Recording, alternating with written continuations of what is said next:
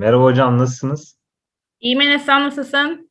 Ben de iyiyim hocam teşekkür ederim. Yine bir e, ufoloji sohbetlerinde beraberiz ki bu sohbetler serisi biraz daha uzun uzadıya devam etsin seri olarak diye düşünüyorum.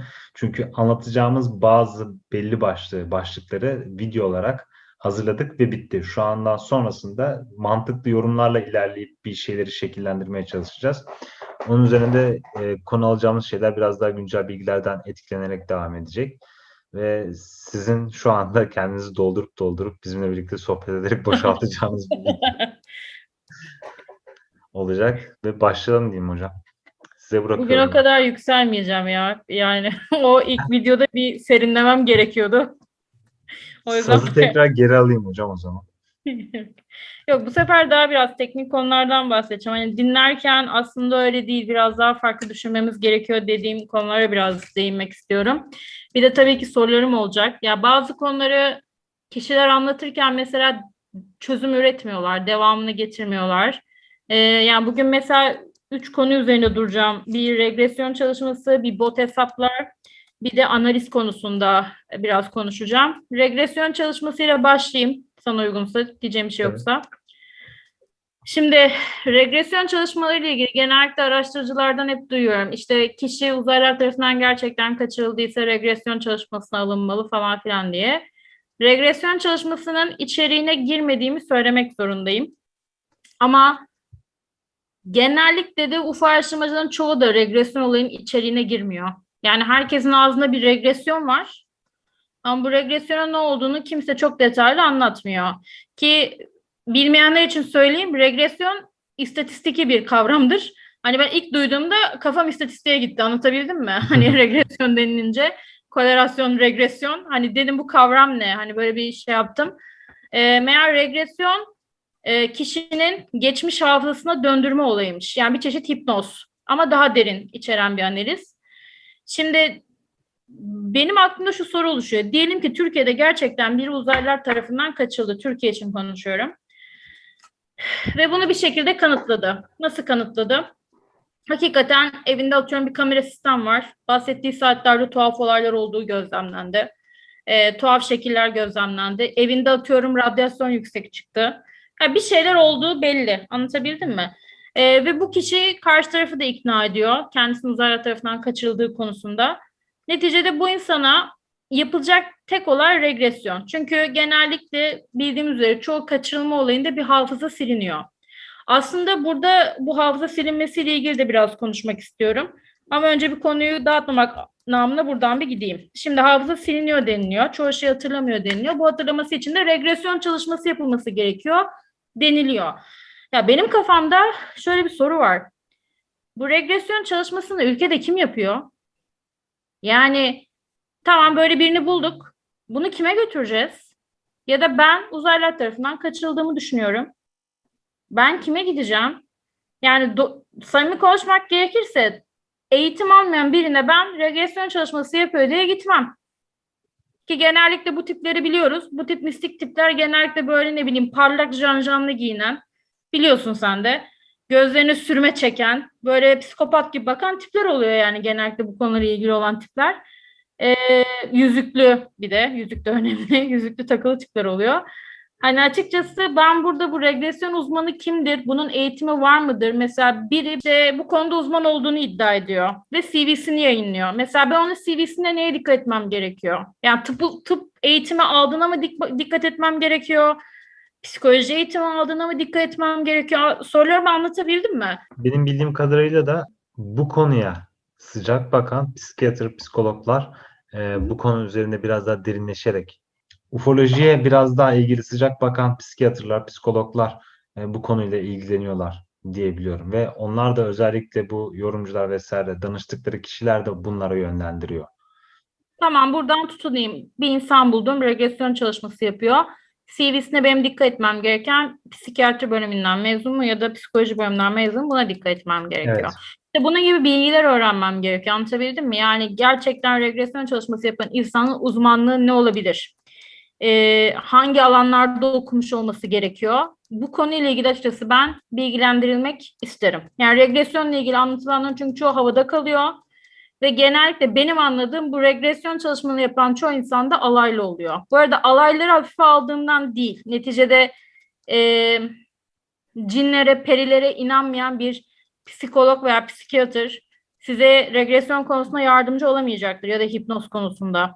Ee, genellikle bu işi yapan çoğu insan da alaylı olacaktır. Alayları hafife aldığım için değil ama neticede kişi hatırlamadığı bir anı döndürülüyor ve bu anda bir kriz yaşanabilir. Bu kriz içinde benim işte burada uzman bir insan tarafından e, hipnoz altına sokulmam gerekiyor. Orada ben işte bu alaylıya güvenemem.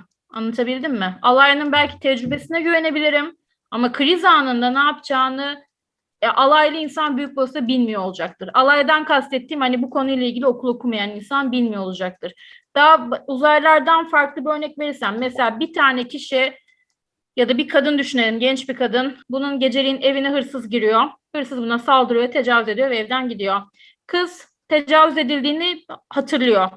E, eve hırsız girdiğini hatırlıyor ama arada olan şeyleri hatırlamıyor. Yani e, tecavüz edildiğinden Anladım. emin ama o an yok. Anlatabildim mi? Eve hırsız girdiğinden emin ama hırsızın atıyorum kapıdan mı girdiği, camdan mı girdiği net değil. Yani bir şeyler silik. Ve bu kıza tabii ki ne yapılacak? Regresyon çalışması yapılacak, hipnoz çalışması yapılacak. Kendi talebi olursa. Ee, şimdi hipnoz çalışmasında o ana geri gönderildiği için kişi tekrar şoka girebilir. Çünkü bu ciddi bir travma. Anlatabildim mi? Evet. O an çünkü tekrar yaşayacak. İşte o şok anında kişinin fizyolojisinde ciddi etkiler olabilir. Orada işte o yüzden bu tip işlemlerin uzmanlar tarafından yapılması gerekiyor. Şimdi burada bu hafıza silinmesi olayıyla da ilgili biraz konuşmamız gerekiyor. Şimdi genellikle UFO araştırıcıları diyorlar ki uzaylılar sizi kaçırdıktan sonra bilerek hafızanız, hafızanızı siliyorlar diyorlar. Ben açıkçası bu olaya biraz şüpheli bakıyorum. Çünkü uzaylılar tarafından kaçırılma tamamen bir şok olayı. Evet. Yani Benim de orada konuda birkaç söyleyeceğim şey var. Siz devam edin hocam. Ben eklerim. Ya insanda şöyle bir şey vardır. İnsanlar genellikle böyle kendilerini korkutan ve canlarını tehdit eden olaylarda şoka girme gibi bir durum yaşıyorlar. Ee, bunun olumlu yanları da var, olumsuz yanları da var. Yani bu şoka girme neden oluyor? Genellikle tabii ki bedeni korumak amacıyla oluyor. O an şoka girme durumu oluyor. Ve genellikle o an hiçbir şey hatırlamıyorlar. Hafıza siliniyor. Benim az önce verdiğim genç kız örneği gibi bir travma yaşıyor. Ana Trafik hattı- kazaları. Evet trafik kazaları gene. Ana hatlarını hatırlıyor ama detaylarını hatırlamıyor. Çünkü detaylarını hatırlarsa bünyesi kaldıramayacak ve ağlayacak, üzülecek, kahrolacak, depresyona girecek. Anlatabildim mi? Evet. Bence uzaylı kaçırmanın da çoğu korkutucu ve ürkütücü olduğu için insanlar bu, bu tip deneyimleri yaşarken şoka girmiş olabilir. Şoka girdiği için de çoğu şeyi hatırlamıyor olabilir. Dolayısıyla regresyon çalışmasını alaylı bir insan yaparsa bu insan tekrar o şoku yaşayacaktır. Beyni tekrar bu olanları hatırlayacaktır. İşte o esnada kişi korkudan kalp krizi geçirebilir, tansiyonu varsa tansiyonu fırlayabilir ve birçok şey olabilir. O yüzden güvenilir anlamda bu regresyon çalışmasını yapanlar varsa bir zahmet e, bu UFO araştırıcıları bunların isimlerini versinler. Yani en azından insanlar gidecek bir kapı bulsunlar. Anlatabildim mi? Çünkü Anladım. genellikle regresyon çalışması yapılması lazım. Gerisi yok. Ben kim yapacağım çalışmayı? Büyük ihtimalle bu konu biraz daha bilimsel açıdan e, net bir şekilde kanıtlanmamış, yani halka açılmamış bir konu olduğu için kişiler kendi diplomalarını bu konuyla anılsın istemedikleri için tabelalarına ufoloji adına regresyon çalışmaları da yapılır diye yazı yazmıyorlar. Sadece bu konuyla ilgili bir bağlantıları olan kişiler o doktorları tanıdığı için ona ulaşan yani o aracıya ulaşan kişi o doktora yönlendiriyor. Konu sadece küçük bir üçgende dönüyor. Çünkü hiç kimse e, diplomasının öyle bir şeyle anılmasını istemez. Çünkü halka açılmış ve kabul edilmiş bir konu değil. Diğer yandan şöyle bahsedeceğim. Sizin şok dediğiniz olay gerçekten basite indirgenmiş bir konu ve en basiti, en kabul edilebilir ve doğru olduğunu düşünüyorum. Kaçırılıyorsunuz, gördüğünüz kişiye neredeyse aşık oluyorsunuz. O kadar çok büyük bir sevgi var ki içinizde ve sonrasında olayların hepsini unutmuşsunuz. Dediğiniz gibi bu ikisi o kadar basit şeyler ki sadece ufak bir hormon yönetimiyle siz kendinize birine aşık edebilirsiniz, sevgi duyabilirsiniz, korkutabilirsiniz. Yani sizi kaçırmış, ufak bir hormon verse ya da bir şey verse size, serum verse her neyse zaten siz çok yüksek derecede coşkuyla kendisine aşık olabilirsiniz de. Yani kaçıran e, varlık, dünya dışı varlık. olayı çok daha yumuşak ve kabul Zeki, edilebilir hale dışı kabul edilebilir hale getirmek için böyle bir kimyasal olaya başvurmuş da olabilir. Yani hırsız giriyor eve, hırsızdan örnek vereyim. Bütün ev uyusun diye gaz sıkıyor eve. Herkes mışıl mışıl uyuyor zaten. Aynı şeyi kaçırdım. Belli bir kimyasal verdim. Kişi bana aşık gibi hissediyor. Yani benden korkmuyor. Korkmayan kişiler genelde rüyalarını hatırlıyorlar. Ama korkan kişiler ya da rüyalarını hatırlamayan kişiler zaten o arada şok geçirmiş dediğiniz gibi şok geçirmiş ve başına ne, e, çoğunlukla kötü şeyler gelen kişiler. Doğru değil mi hocam? Genelde Doğru. Kabus da buna örnek. Mesela kabuslarımızı yani. çok detaylı hatırlamıyoruz. Çünkü kapamak istiyoruz. Bu kendini bir savunma stratejisi. Regresyonla ilgili açıkçası dinlediklerim beni tatmin etmiyor. Benim demeye çalıştığım nokta bu. Daha doğrusu yardımcı olmuyor. Yani bir şeyler anlatıyorlar ama yardımcı olmuyor bize. Bence regresyon çalışması için kişilerin biraz daha açık konuşması gerekiyor. Şöyle bir şey oluyor. Bu sefer kişi regresyon çalışması için imkan ve parası varsa Amerika'ya gidiyor. Bu sefer ne oluyor? Amerika dataları saklı oluyor. Ya niye versin ki sana? Anlatabildim mi? Tıpış tıpış data gelmiş eline yani. Sen kendi ülkende bununla ilgili bir uzmanlık, uzmanlık alanı yaratmazsan, bu konuyla ilgili kişileri yetiştirmezsen, kişi muhakkak kendinde ne olduğunu da merak ediyorsa, imkan ve parası varsa ilmi bulmak için gerekirse Çin'e gidecek. Anlatabildim mi? Amerika'da böyle bir uzman bulursa buna gidecek. Gayet mantık basit yani. burada yargıladığımız konu aslında devlet ya da devlet bünyesi vesaire değil. Sadece bu işi yapan doktorlar kendilerini biraz daha açık edebilirler. Ya da bu doktorlara aracılık eden kişiler zaten kendilerini açık etmişler. Bana danışın ben yönlendireyim diye topluma bilgi vermiyorlar. Sadece sanki üst kısımda bir yerde regresyon çalışması yapılıyor. Bir de halk var ne yapacağını bilmiyor. Ya çünkü ben açıkçası iktisat okuyan ya da işletme okuyan bir adamın regresyon çalışmasına katılmak istemiyorum yani daha samimi konuşmak gerekirse. Ya ha- hafife almıyorum gene ama bana güven vermiyor. Durum bu. İkinci noktaya geliyorum. Bu benim kendi hipotezim. Şimdi biz siyah giyen adamlar videosunda sonuna doğru kartlara koyacağız gene. Ee, bot hesaplardan bahsettik. Bu benim kendi hipotezim. Ben dijital uzaylıların var olduğunu inanan bir kişiyim. Öyle söyleyeyim. Çünkü uzaylıların ben burada olduğunu inanıyorum. Hani gerçekten dünya dışı yaşam varsa burada bir kısmının yaşadığını inanıyorum. Ve bunların artık hani temas yöntemlerini değiştirdiklerini ve dijital ortama girdiklerini düşünüyorum. Men in Black'te de bunu e, destekli bir şekilde oturtturmaya çalıştık diyeyim. Yani bir şeyleri dayandırarak mantığa oturtturmaya çalıştık. Mesela Men in Black 1975 yılından sonra gözükmüyor. Siyah giyen adamlar vakaları 1975 yılından sonra kesiliyor.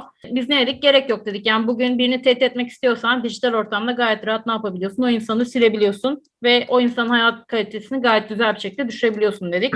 Ee, bu konuyla ilgili açıkçası biraz e, UFO araştırmacının elinde data var mı? Bunları okumak ve duymak isterim. Çünkü bana göre temas yöntemleri artık dijital ortamda olacak. Çünkü UFO araştırmacının çoğu beni yanlış anlamasınlar ama 40 yaş üstü ve 50 yaş üstü insanlar ve dijitalde biraz zorlanan insanlar ki ben de onların kuşağına yakın biri olarak ben bile zorlanıyorum öyle söyleyeyim. Ee, ancak şu anda 20 25 yaşındaki insanın dijital ortamdaki aşinalığı bizden çok çok farklı ve o dünyayı görme olayı bizden çok çok farklı. Hani böyle bir dünyada ben açıkçası dijital uzaylıların varlığının ciddi ciddi olduğunu düşünmeye başladım. Bu konuda senin bir fikrin var mı onu sorayım. Burada düzeltme değil de açma yapayım. Dijital uzaydan bahsettiğiniz şey sadece e, dijital ve internet üzerine sızmış olan uzaylılardan bahsediyoruz değil mi hocam? Hı hı. Aynen yani ben açıkçası bazı uzaylıkların artık çeşitli yapay zeka botları yaparak ya da kendileri sosyal medya ortamını kullanarak e, bir insanlarla temas yolu geliştirdiklerini düşünüyorum ve bunu yaptıklarını düşünüyorum. Ben işte Men in Black videosunda anlatmıştım. Benim takip ettiğim bot hesap var demiştim. Kendisi bot olduğunu söylemese ben o hesabın bot hesap olduğunu bilmeyeceğim demiştim. Ki bu bot hesaplar Japonya gibi işte kuzey ülkeleri gibi Amerika gibi hani teknolojinin e, yay, yüksek teknolojinin yaygınlaştığı yerlerde yoğun bir şekilde kullanılıyor. Mesela bizim ülkemizde hala e, bot hesaplar yok. Öyle söyleyeyim yani buna aşinamız yok. Yani bot hesaplar hayatımıza girecek. Ülkede de girecekler. O gün dediğim gibi ba- bana yazmasa söylemese ben o hesabın bot olduğunu bilmiyorum. Yarın öbür gün benim görüştüğüm bir hesabın ben bot olup olmadığını nereden anlayabilirim? Durum Aynen bu. öyle dediğiniz Ya gibi. da dünya dışı yaşam tarafından kontrol edip edilmediğini nereden anlayabilirim?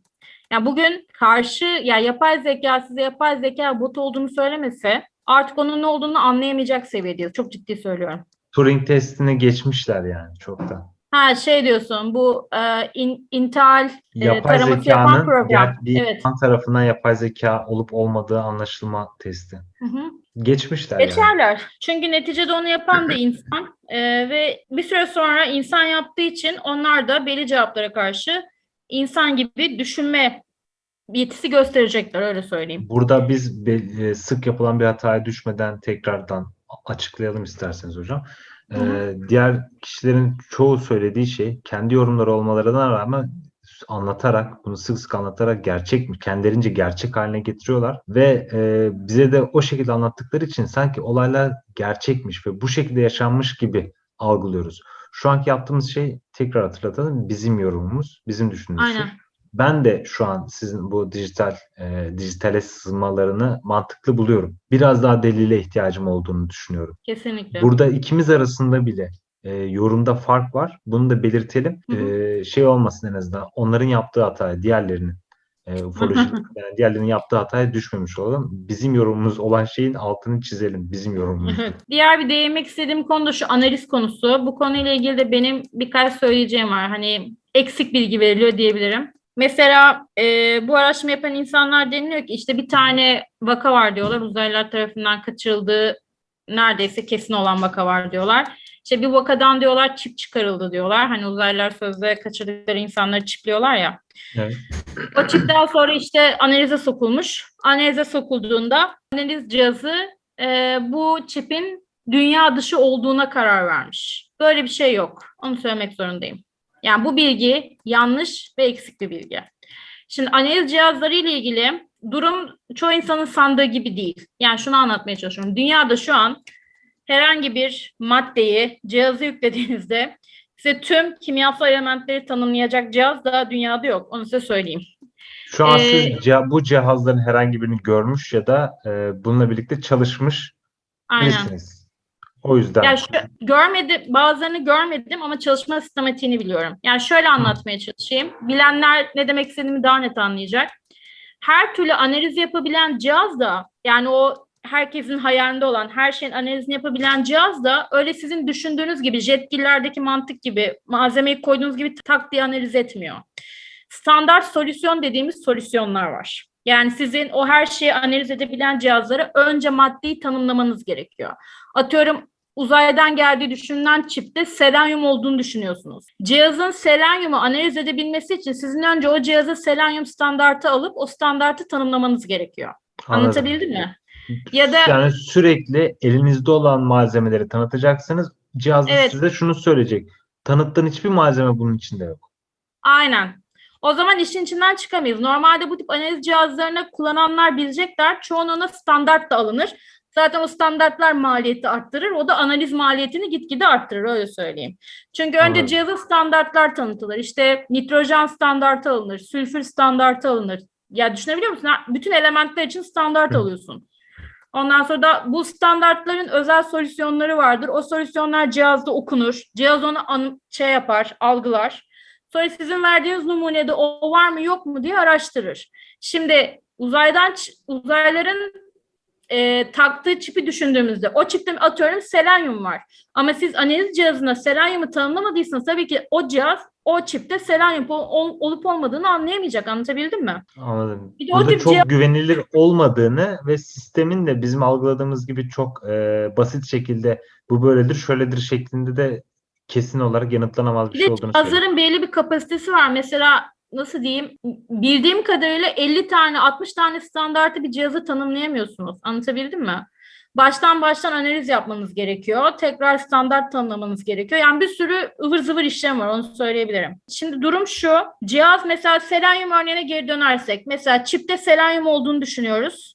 Cihaza da selenyumu tanıtmadık. Yani cihaza selenyum standartını tanımlamadık. Dolayısıyla cihaz o çipte selenyumu görmüyor ama şöyle bir şey var. Cihaz o çipte bir madde olduğunu biliyor. Bunun altını çiziyorum. Yani bir madde olduğunu biliyor ancak bu maddenin selenyum, e, selenyum olup olmadığını analiz edemiyor. Analiz edemediği için, ne olduğunu bilmediği için cihaz o elemente X işaretini veriyor. Yani burada X işareti bu maddenin dünyada olmadığı anlamına ya da dünya dışından geldiğini göstermiyor. Cihaz bu maddeyi analiz etmiş ama cihazla ilgili standart olmadığı için cihaz ne olduğunu anlamamış demektir. Bu anlatabildim mi? Evet. Sen selenyum olduğundan şüpheleniyorsan gidersin düzgün bir selenyum analizi yapan cihaz bulursun. Malzemeyi tekrar onun içine sokarsın. Anlatabildim mi? Hakikaten yine anlayanlar için biraz konuşacağım. Çıkan pikler ilk cihazla uyumludur ve selenyumu gösteriyordur. Ha denir ki demek ki benim cihaz okuyamamış ama bu selenyummuş dersin. Bu durum yani durum. Şimdi UFO araştırmacıları da bu raporlarda X'i görünce hemen şey diyorlar. Aa işte X dünya dışı cihaz bunu algılayamadı. Bu kesinlikle dünya dışından olan bir maddedir diye algılıyorlar. Hayır oradaki X şu. Cihaz burada tanımlayamadığı bir madde buluyor. Ama o madde onun standartlarında ya da onun hafızasında olmadığı için ona X işareti koyuyor. Anlatabildim mi? Aynı çipi başka bir analiz cihazına soktuğunuzda eğer o X ile ilgili standart varsa işte o selenyumudur nedir değildir tanımlıyor size. Olay o. Durum bu yani. Bir de hani dünya dışı nasıl diyeyim element yoktur demiyorum. Onu da hatırlatmamız gerekiyor. Şimdi ben biyoloğum, kimyacı değilim. Ancak kimya bölümünü okuyanlar da bilirler ki periyodik cetvel dinamik bir yapı. Yani pe- şu anki periyodik cetvel şey değil. Değiştirilebilir Evet. ve yeni yapay elementler eklenip aralara bir yerlere sıkıştırılabilir. Yani henüz bilmediğimiz Aynen. ya da kendimiz üreterek bazı elementler yapabiliriz. Dinamikten Aynen aynen yani o Anladım. periyodik cetvel zaten güncellenecek, yenilenecek anlatabildim mi? Ee, zaten kimyanın güzel tarafı bu ve genellikle bu tip analiz cihazlarından yararlanıyorlar. Yani bir maddeyi sokuyorlar orada X'i görüyorlar. Dediğim gibi o X dünya dışından geldi demek değil, tanımlanamıyor demek değil. Ha, diyorlar ki bu cihazın algılayamadığı bir madde var. Bunu nasıl algılayabiliriz deyip tabii onlar daha özel cihazları sokuyorlar. Onun işte atomik yapısını ölçecek şekilde cihazlar var. Benim bilgimi aşan e, çeşitli uzmanlık alanlarına giren ve o elementi ya da o maddeyi tanımlamaya çalışıyorlar. E, ama bunların hepsi maliyet. Yani şey de çok kolay zannediyorlar. En basitinden azot. Bugün gittiğiniz her laboratuvarda analiz yapılabilir. Öyle söyleyeyim. Ama onun analizi bile en az 3 saat sürüyor. Yani hazırlığıdır, şeydir, numunenin korunmasıdır, solüsyonları hazırlamadır. Yani bu tip analiz şeyleri öyle onların hayal ettiği gibi şak gibi olmuyor. İşte dediğim gibi onlar da rapordaki X'i görünce direkt dünya dışı diye yorumluyorlar. Bu hataya düşmemeleri gerekiyor. Oradaki X dediğim gibi dünya dışından olduğu anlamına gelmiyor. Gene altını çiziyorum. O maddeyi cihaz tanımlayamadığı için X diye işaretliyor. Durum bu. En azından o analiz yapılırken başında duran kişiler ne olduğunu biliyordur zaten oradaki teknikerlerle vesaire ama o raporları internete verdikleri zaman sosyal İşte o X'i görünce bunlar coşuyorlar anlatabildim mi? araştıran Aa, kişiler, diye. ikinci dereceden araştıran kişiler o rapora doğrudan ulaştıklarında ne olduklarını bilmedikleri için, rapor okumayı bilmedikleri için patlıyorlar.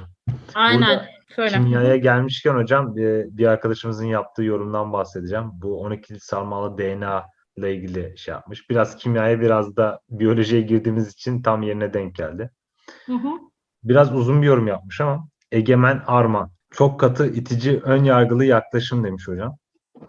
Ha, hatırladım biraz devam et. Saygın bilim çevreleri nedir ya? Kim sayıyor? Neden sayıyor? Nedir bu kurban boyun eğme yaklaşımı? Bilim dediğiniz şey sürekli pardon öyle değilmiş, böyleymiş diyen amacı kafa karıştırmak olan bir sistem. İnsanları kontrol etmeye yönelik kurulmuş sanal bir oluşum. İnsanı ve dünyayı düzeltecek olan bilim akıl değil, sevgi, gerçek bilgi ve duygulardır. Teknoloji insanları köle yapmak üzere kurulmuş sistemdir. Teknoloji iyidir, hoştur demek tam bir saçmalık. 12 DNA sarmalı olabilir. Neden olmasın? Çöp DNA denen iplikçilerin işe yaramadığı sanılırken aslında öyle olmadığı görüşleri yayılmaya başladı. Akılcıyız deyip böyle bir şey olamaz, yalan demek ne çelişki. Çok şey bildiğinizi sanıp bir şey bilmediğinizi anlamanız çok zor. Bilimsel gerçekliği yok demek saçma. Çünkü bilimsel gerçeklik süreç içinde oluşabilir. Henüz araştırma aşamasında. Bunun olabileceği kanıtlanırsa ne diyeceksiniz? Ben CVP vereyim biz o zaman için demiştik. Yav çok komik bu bilim dinine tapanlar demiş. Bunların aralarında da gülücükler var tabii. Ben o kişiye bir cevap verdim. Oradaki tek cümleye takıldım. Bilim dinine tapanlar olayı. Orada haddini aşıyor. Bir kere kimseye böyle bir cevap verilemez. Ve kimseye böyle bir ithamda bulunamaz. Arkadaş bizi neresiyle dinledi bilmiyorum ama tamamen yanlış dinlemiş. Ve her şey yanlış algılamış ve kafası karışık biri.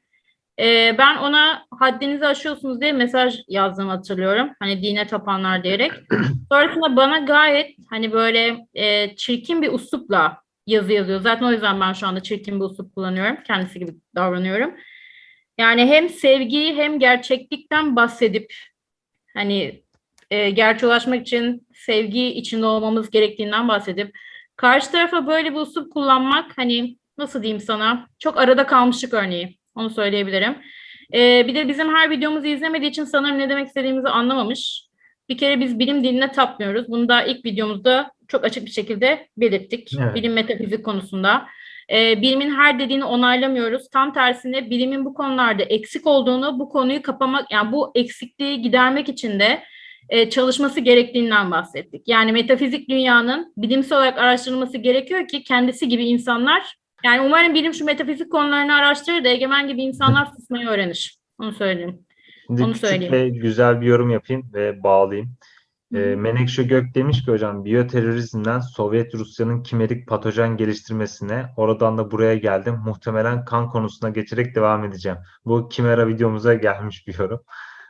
Kendisinin Evet. devam etmesini istiyoruz. Videolardan videoya atlayarak hep beraber Çünkü biz bu. Genetik e, yaklaşmaya çalışıyoruz. Mesela Egemen Bey duymak istediğini duymak istiyor ama biz onların duymak istediğini onlara vermeyeceğiz. Çünkü gerçek bu.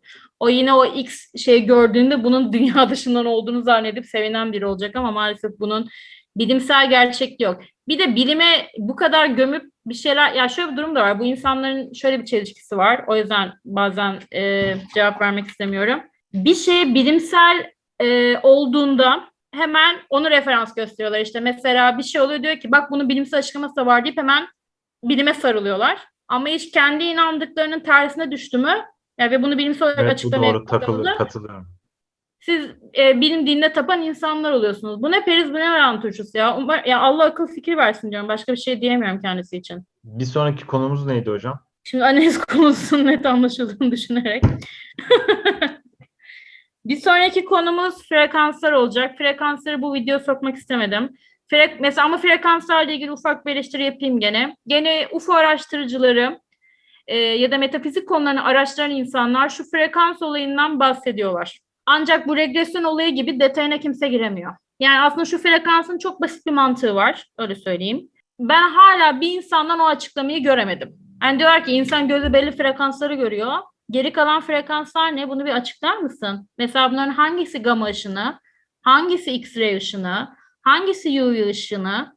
Yani bu frekansın içeriği aslında anlatılabilir ve açıklanabilir. Durum bu. Ee, ama regresyon olayı gibi dediğim gibi frekans deyip içini dolduramıyorlar.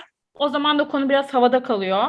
Frekanslarla ilgili benim kafamda farklı bir çalışma yöntemi var. Yani frekansın ne olduğunu biliyorum öyle söyleyeyim Enes. E, çünkü frekans konusunda aslında biz e, belki hatırlarsın hatırlamazsın lise öğrencilerine fotosentez konusunda anlatıyoruz frekans olayını. Fizik konusunda da, ayrıca fizik konusuna da giriyor. Evet. Yalnız ben bilimsel konulardan farklı olarak e, atıyorum cinlerin frekansı ne? E, uzaylıların frekansı ne? İfritlerin frekansı ne? Periler Evet, varsa eğer Burada frekansı sanırım Bunlar- farklı bir sözcük bulamadıkları için frekansı kullanıyorlar ama frekans dediğinde anlamamız gereken şey bu bahsettiğiniz gamma ışınları vesaire, Hı hı. e, X ışınları, kızılötesi Hı hı. ve morötesi Kızılötesi, ışınlar aynen. derken burada ufoloji ile ilgilenen kişiler frekans dediğinde bizim onları göremememiz üzerine kurulu farklı boyutlardan olduğunu anlamamız ve onlarla bizlerin arasında bir ayrışma olduğunu e, öne sürmeye çalışıyorlar. Yani onlar farklı bir boyutta, farklı bir frekanstalar. Biz farklı bir boyutta, farklı bir frekanstayız. aslında doğru anlamında kullanıyorlar. Ee, Ama içini dolduramıyorlar. Burada eleştirdiğim nokta şu ya bu insanlar hani bu olayları 30 yıl 40 yıl araştırıp hani şu frekans olayına bakmamaları beni sinirlendiriyor. Ya ağzına frekans lafını getiriyorsan ya bir bak bu frekans nedir, ne değildir, hangi frekanslar vesaire bir faydalanmaya çalış. Anlattıkları şeyler aslında bilimle uyuşan şeyler. Mesela biz kızılötesi ışınları göremiyoruz. Çünkü gözümüz belli frekans dalgalarını algılıyor. Onların hepsinden bahsedeceğiz. Kızılötesi ışınları ama bugün biz yani bir girizgah yaparsam girizgah yap, yaparsam söyleyeyim. Ee, özel kameralarda tespit edebiliyor muyuz? Edebiliyoruz. Anlatabildim mi? Yani bu şu demek. Teknolojiye bağlı gene. İlk videoya referans ediyorum. Egemen Bey olur da izliyorsa bir baksın vakit ayırıp. Bilime tapıp tapmadığımızı bir anlasın. Teknoloji ilerledikçe bu düşük kızılötesi ışınları algılayan kameralar gibi düşük frekansları algılayan kameralar da meydana gelecek. Anlatabildim mi? İşte o görüntüleme sistemleri geliştikçe yine altın çiziyorum.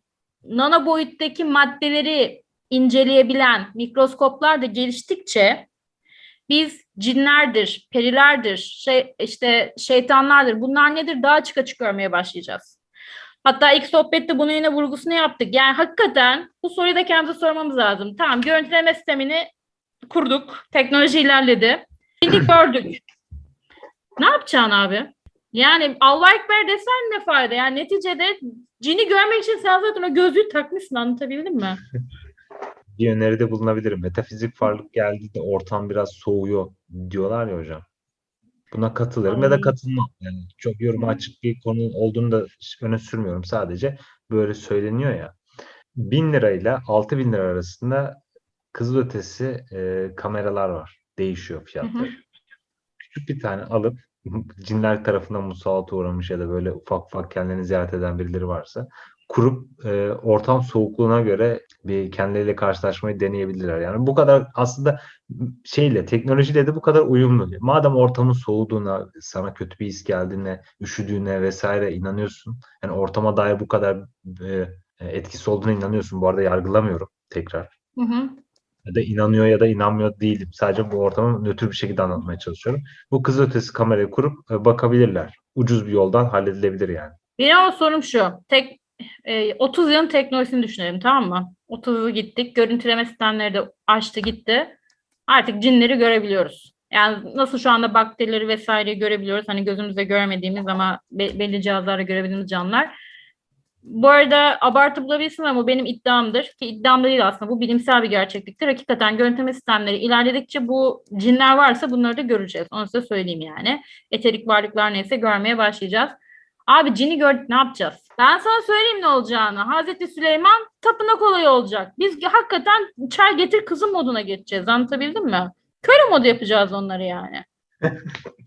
Ya bir de böyle saçmalık da var. Ben uzaylılar konusunu şu cinlere dayandırılmasını sinirleniyorum. Çünkü çok salak yerlere gidiyor. En son internette bir tane adam online olarak bir kişiden cin çıkarmaya çalışıyordu. Yani artık bu kafaya geldik. Çok komikti. Bir Biliyorum tane onu. kızı böyle canlı yayınla cin çıkarmaya çalışıyordu. Altındaki bir yoruma helal olsun dedim. Hakikaten o an elektrik bağlantısı kesilse, internet bağlantısı kesilse ne olacaktı? Yani dedim ki gerçekten kızdan cin çıkarıyor. Kızın amel defteri kapanacaktı ben sana söyleyeyim yani. Ya anladın ne demek istediğimi. Online olarak bağlan- bağlantı kurdum. Mesela sen şu anda Allah korusun cinci hocasın. Ben de içinde cin olduğunu iddia eden tipim. Sen bir şey yapıyorsun. Benden cin çıkarıyorsun o esnada. Bağlantı gitti. Bir de bu insanlara şöyle bir eleştirim var. Abi bu kadar cinleri minleri görüyorsunuz anlatabildim mi? Konuşabildiğinizi, sohbet edebildiğinizi, düğünlerine kadar katılabildiğinizi iddia ediyorsunuz. Ya bir sorun. Dünya nasıl oluştu? Dünya nasıl meydana geldi? Bunlar neticede uzun yaşayan varlıklar iddianıza göre. Bin yıl yaşamışlar, iki bin yaşamışlar. Ya ben onu düşünüyorum. Ben bir cine denk gelsem, hani denk gelmek istemem de. Yani oldu ama denk geldim yani. Sohbet edeceğim. Sorardım ya kaç yaşındasın? Dinozorları gördün mü? Ne yaptın? Ne ettin? Dünyanın oluşumu ne? Boyutlar arası şey ne? Bak dikkat edersen bu cinci hocaların hiçbiri bu konular hakkında bir laf edemiyorlar. Çünkü öyle bir şey yok.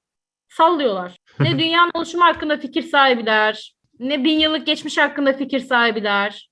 Hepsi ezbere. Hüddamdan tut böyle bir gidiyor yani terminoloji. Uyanık olun arkadaşlar. Dikkatli olun. Ve şu cinleri uzaylılarla bağlamayı bir kesin. Yani onu söyleyeyim. Burada Anunnakiler konusunda geliyorlar ve İgigiler. Biz onların cin olduğunu düşünüyoruz bu arada. Mitoloji bilenler için söylüyorum.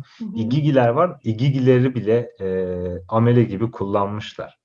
Yani cinleri bile amele gibi kullanmışlar orada. Ya bu insanın fıtratında var. Ben sana söyleyeyim yani. Hakikaten ben dalga geçmiyorum. Yani bu konuda ciddiyim. İnsan, bence insan ruhunu ve düşüncesini iyi anladığımı düşünüyorum. Öyle bir durumda ben biz cinleri tamamen robotlardan beter kullanacağız ben sana söyleyeyim yani. Şunu yap kızım, bunu yap kızım diye bayağı bir şey yapacağız. Biraz katılıyorum ona hocam. Yani olay trajikomik bir hal olacak ben sana En söyleyeyim azından yani. tez yazdırırım. Ben hiçbir şey yaptırmasam tez yazdırırım. Evet, dünyanın tarihiyle ilgili tezleri yazalım. Lisans tezi. Kaynak cin. Evet benim e, konu UFO'cu sohbetiyle ilgili diyeceklerim bu kadar. Senin var mı eklemek istediğin bir şeyiniz? Ben ara ara ekledim zaten hocam. Ee, benim için de aslında söyleyeceğim şeyleri biraz bağlamaya çalışarak söyledim. Yine teşekkür ediyorum hocam bir sonraki e, sohbette görüşene kadar ve yorumlarda birikene kadar. Bir kısmı yorum var ama bunları yayarak okuyacağız sonuçta. En azından mantıklı yorumlar yapanlar var. Evet Onları teşekkür da- ederiz onlara. Evet, şimdiden teşekkür ediyoruz. Ara ara onların da kendilerini anacağız. İyi günler diyorum hocam. İyi günler kendine iyi bak.